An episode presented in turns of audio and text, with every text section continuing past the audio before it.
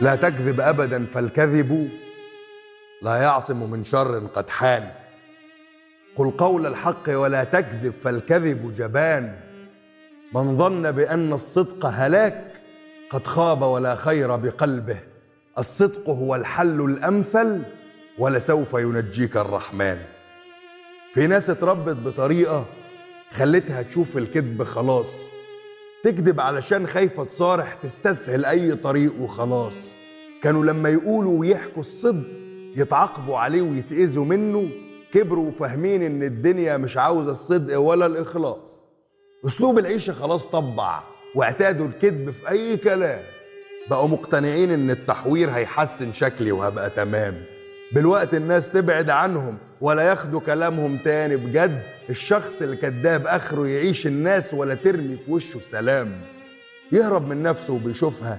ما تشدش حد بحقيقتها. يكذب علشان تظهر حلوة كان أفلح ليك لو حبتها علشان بيخاف دايما هربان. ما يحبش يثبت ويواجه دايما هتلاقي النوع ده أكيد فيه غلطة كبيرة في نظرتها. شكاك فاكر كله بيكذب. والقعدة معاه مش مرغوبة. بيحاول يبقى كتير محبوب ومش ضمن الناس المحبوبة. الكذب لا عمره يعلي مقام والصدق لا يمكن يهلك حد. كلها أرزاق والدنيا نصيب من قبل وجودك مكتوبة.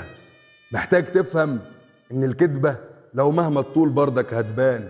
لو خفت إنك تتهان فكدبت فهيجي اليوم برضه تتهان. الصدق يزيدك هيبة وخير ويزيد وزنك على أي ميزان. ما تخافش وجرب تبقى صريح.